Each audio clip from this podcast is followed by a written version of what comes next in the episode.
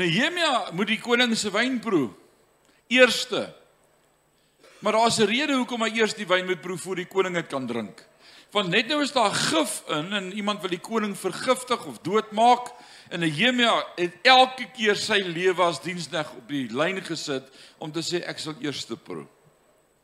En dan wat hoe stel God hom aan op die einde? Hy word goewerneur van Juda.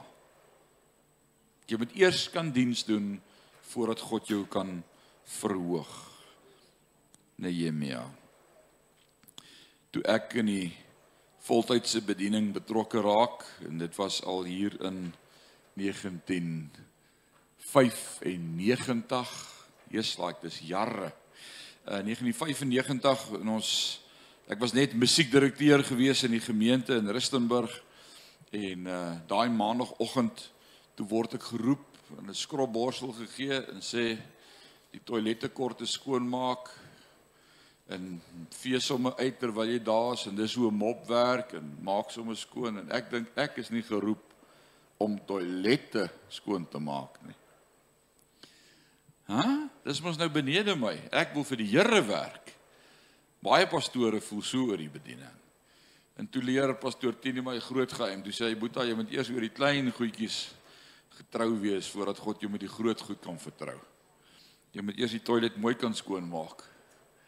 Uh want dis God se mense wat Sondag hier wil toilet toe kom. So jou hart vir dienstneg moet reg wees. Jou hart moet reg wees. Reg deur die Bybel sien ons dit getroue volgelinge word later goeie leiers. Jesus sê self in Matteus 25 vers 21 oor wat sê hy sê uitstekend. Hy praat met die diensknegte, né? Hy sê vir hierdie dienskneg uitstekend. Jy is 'n voortreffelike slaaf, een op wie kan staat maak. In die kleinste het ek jou betroubaar gevind en daarom gaan ek nog baie groter verantwoordelikheid aan jou toe vertrou. Kom vier saam met my fees. So kom ons vra vanmôre uit die staanspoor uit vir mekaar, kan God my vertrou met die klein goedjies in die lewe? En ek gaan net vir jou wys dat hierdie klein goedjies in die lewe is nie noodwendig al die goed wat jy aandink nie, dis sommer net die goeie nuus en die boodskap van Jesus Christus. Kan God jou vertrou met die goeie nuus? So is elkeen van ons 'n navolger van Christus. Hoor wat sê 1 Tessalonisense 1 vers 6: Julle het mense geword wat ons voorbeeld en ook die Here se volg. Nou as ek vanmôre vir julle sê oppas wie jy as menslike leier volg, hoe gaan ek dan 'n navolger wees van Christus? Hoe weet ek wat Christus vir my sê? Deur sy woord. Amen. Deur sy woord weet ek wat hy vir my sê. Iemand het dit eendag so mooi gesê, elke keer as ek my Bybel oopmaak, praat God met my. Wie kan sê amen? Elke keer as ek my Bybel oopmaak, praat God met my. As dit die waarheid is, dan kan ons byvoeg en elke keer wat ek my Bybel dan toemaak, bly God stil. Iemand vra nou die dag vir my, pastoor, ek weet nie hoe om te luister na die stem van die Here nie. God praat nie met my nie. Die vraag is wanneer laas was jou Bybel oop? Wanneer laas het jy toegelaat dat God met jou praat? God wil met elkeen van ons praat. Hoe volg ons Jesus se voorbeeld? Waar kry ons sy voorbeeld? Want net die vorige vers in 1 Tessalonisense 1 vers 5 sê, want die goeie nuus wat ons gebring het, het tot julle gekom nie net met woorde nie, maar ook deur die krag van die Heilige Gees en met groot oortuiging. Die woord van God het tot julle gekom. God praat met ons en wys ons sy wil vir ons lewe. Sy woord verander ons. En dan sê vers 7, hierdeur het julle op julle beurt 'n voorbeeld vir ander gelowiges geword. Sê met my voorbeeld. Jy is verander 'n voorbeeld.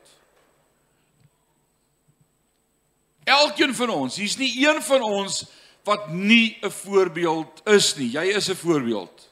Willig of onwillig. 'n Goeie voorbeeld of 'n slegte voorbeeld. Jy is 'n voorbeeld. Jy is. Jou optrede, jou taal, jou manier van dinge doen is 'n voorbeeld. En jy of is besig om mense positief te beïnvloed of ouens kyk na jou en sê, "Oeg, ek weet daarom nie mooi nie." Maar niemand van ons het nie invloed op ander nie. Jy het invloed. Elkeen van ons het invloed op ander. Die vraag is wat se invloed het ons op ander mense? Of jy nou daarvan hou of nie, die wêreld verwag van ons om anders te wees. Kan iemand sê amen? Die wêreld verwag van my en van jou om anders te wees. Ek dink aan Handelinge 3 aan die storie van Petrus en Johannes. Hulle is op pad bid hier toe. Hulle gaan by die tempel bid. En voor die tempel hier kry hulle 'n man, 'n krepeel man wat besig is om te vra vir almoses, 'n bedelaar. En hulle stop by hom en hulle kyk hom stip aan sê die woord. Hierdie krepelman het 'n verwagting gehad. Hierdie ouens gaan iets doen. Hy het 'n verwagting. Hy kyk na hom met 'n verwagting en wat sê Petrus dan? Hy sê silwer en goud het ek nie. Ek dink dit is die slegste woorde wat daai ou gehoor het daai oggend. Wat? Nou kom stop jy dan. Hoekom stop jy as jy die silwer en goud het nie? En dan gaan hy verder. Hy sê maar wat ek het, nou ek wonder wat op daai stadium in daai krepel ou se hart gebeur. As hy nie silwer en goud het nie, wat het hy? Ek wonder wat het hy? Wat ek het, gee ek jou. In die naam van Jesus Christus van Nasaret staan op en loop. Ek dink is die on onvoorspelbaarste woorde gewees daai dag. Hy het dit glad nie verwag nie. Glad nie verwag nie. Die gesprek begin by silwer en goud en dan sê hy nee, vergeet dit sommer dadelik voordat jy iets haar silwer en goud het ek nie. Het jy dit al getraai as 'n boemelaar jou toe aankom? As hy aankom dan sê vir hom, "Chom, ek het nie my beursie by my nie." Het jy al gesien hoe lyk sy gesig onmiddellik? Maar imagine jy sê vir hom, "Maar jy wat ek in my sak het, wil ek graag vir jou gee vandag." Dis soos daar's 'n oplewing. En dan sê Petrus in die naam van Jesus Christus van Nasaret. Die wêreld kyk na ons. Gereed om te ontvang. En daarom moet die kerk begin om te besef iemand anders volg my. Hoe lyk jou lewe dat ander jou kan volg? Daar's nie 'n ding soos niemand kyk na my nie. Iemand kyk na jou. Oupa, ouma, oom, tannie, vriend, vriendin, pa, ma, boetie, sussie, elkeen het iemand wie jou dophou en kyk na jou lewe. 1 Tessalonisense 1 vers 8 sê die volgende vers. Want van julle af het die Here se boodskap nie net in Macedonië en Agaia weerklink nie, nee. Oral het julle geloof in God bekend geword. Die gevolg is dat ons eintlik niks hoef te sê nie. Julle sê alles. Met ander woorde, hierdie gemeente was ook entoesiasties. Sê saam my entoesiasties. Hoe entoesiasties is jy oor God se woord? Oor kerk? Oor jou verhouding met die Here?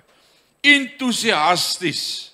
Dis vir my so pragtig. Dit kom van die Griekse woord af entheos. Kan jy glo dis 'n Bybelse woord? Entheos. God in my. Wat maak julle entoesiasties? God se woord in my maak my entoesiasties. Ek verbaas my altyd aan mense wat ek ken en ek sien hulle hier by die kerk en ek sien hoe hulle optree en ek sien hoe hulle reageer en uh, party klou sonder daai bank voor hom so vas met al twee sy hande en hy beweeg nie sy hande nie, sy voet tap nie, sy mond beweeg nie as daar gesing word nie. Maar gaan watch bietjie, so kyk bietjie saam met hulle rugby. We, weet jy waarvan ek praat?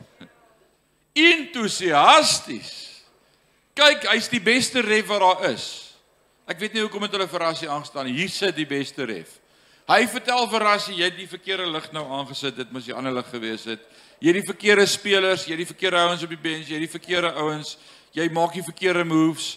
Hy help daai speler elke keer met daai bal oor die doellyn. Hy spring op en af, vuiste in die lug, skree op die top van sy stem. En dan kyk ek daai ou so en dan dink ek is dit dieselfde ou wat Sondag in die kerk staan? En as ons sing van ons koning en ons verlosser en ons ewige tuiste dan klou ek daai bank vas. Daar's geen entoesiasme nie. Maar ou man, as hy as hy op die veld draf, dan is dit 'n ander mens. My vraag vir môre is wat maak jou entoesiasties? Waaroor is jy entoesiasties? Wat bring by jou daardie gevoel en daardie emosie van opgewondenheid? Hierdie gemeente was entoesiasties. Hulle was gedryf deur God. Hulle was evangelisties. Hulle was sielewenners. Vers 8 sê, want van julle af het die Here se boodskap uitgegaan. Het iets gebeur. Daar's daar's iets wat gebeur as daar entoesiasme in jou lewe is. Kyk gou saam met my, let op die progressie. Vers 5 sê die boodskap het tot julle gekom. Vers 6 sê julle het die woord ontvang. Vers 8 sê julle het die woord gedeel, entoesiasties. Ons kan net die woord uitgee as ons eers die woord ontvang. Ek moet eers die woord ontvang. En sien ek dink hier's die hier's die geheim van 'n suksesvolle gemeente. Is ouens wat die woord ontvang en dan entoesiasties daai woord uitgee. Vers 8 sê want van julle af het die Here se boodskap nie net in Macedonië en Agapa weer klink nie, weer klink. Sê saam met my weer klink. Dis die woord trompeter. Dis dis dis die gedagte daar trompeter. As as ek sê trompeter aan aan watse spreekwoorde kan jy alles dink rondom trompeter of trompet? Praat gou 'n bietjie met my. Hoe sit nou so stil?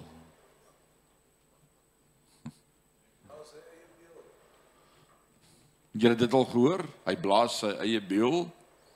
Wie van julle doen dit? Steek gou julle hande op. Want julle luister daarom in die kerk. Dis se twee wat geslaap het. OK. Hy blaas sy eie beel. Jy het dit al gehoor. Wat beteken dit om Kobus? Hy verhef homself. Maar nou hoor wat sê die woord hier van vers 8. Hy sê hulle die boodskap van Christus trompeter. Wat was die boodskap? Wat het hulle getrompeter? Wat was op hulle lippe? Waaroor het hulle gepraat? Waaroor het hulle gedink?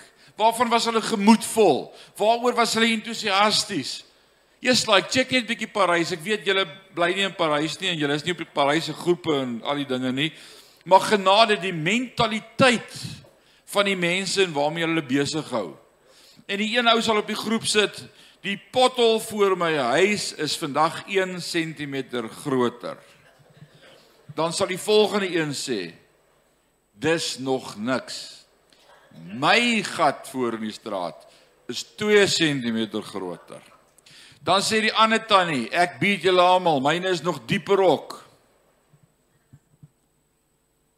Dan sê die een, ek is al 4 ure sonder krag. Dan sê die ander een, ek bied jou, dis niks, ek is al nog 6 ure sonder krag. Waaroor trompeter ons? Waaroor praat ons? Wat maak ons entoesiasties? Regtig die politiek? Regtig potholes en water en krag? Moes sê daar's geen vooruitgang nie. Dis die woord van die Here. Dis nie elke dag vars. The steadfast love of the Lord never ceases. His mercies are new every morning. Great is thy faithfulness, O God. Dis die woord van die Here. Wat trompeter jy? Wat blaas jy? Nou ek weet nie wie van julle het al trompet of beul gespeel. Kan ek gou die hande sien? As jy al trompet, daar in die kadetorkes moes jy iets gespeel het. Wie het almal trompet gespeel? Ha, hier's 'n paar trompetters en beulblasers. Ek was daarin geforseer gewees trompetter. En eers 'n beul en toe naderhand trompet en 'n matriek eerste trompetter van die kadetorkes van HTS Sasselburg. Nou jy kan nie saggies trompet oefen nie. As jy nou al 'n trompet gehoor het, sal jy weet, dis seker een van die klanke wat die moeilikste is om sag te speel. Daar's nie 'n ding soos 'n sagte trompet nie. Jy moet blaas, pappa. Jou lippe moet op mekaar en jy moet lug agter jou longe moet diep asemhaal en jy moet blaas. Nou met ek trompet oefen in die koshuis. Maar almal wil slaap, dis in die aand. Ek moet oefen. Môre het ons is ons op die paradegrond, dan moet ek hierdie goed ken. Hoe oefen jy sag trompet? Dan vat jy maar die kussing en jy speel so in die kussing in. Jy moet sagte probeer. Jy kan nie sag trompeter nie.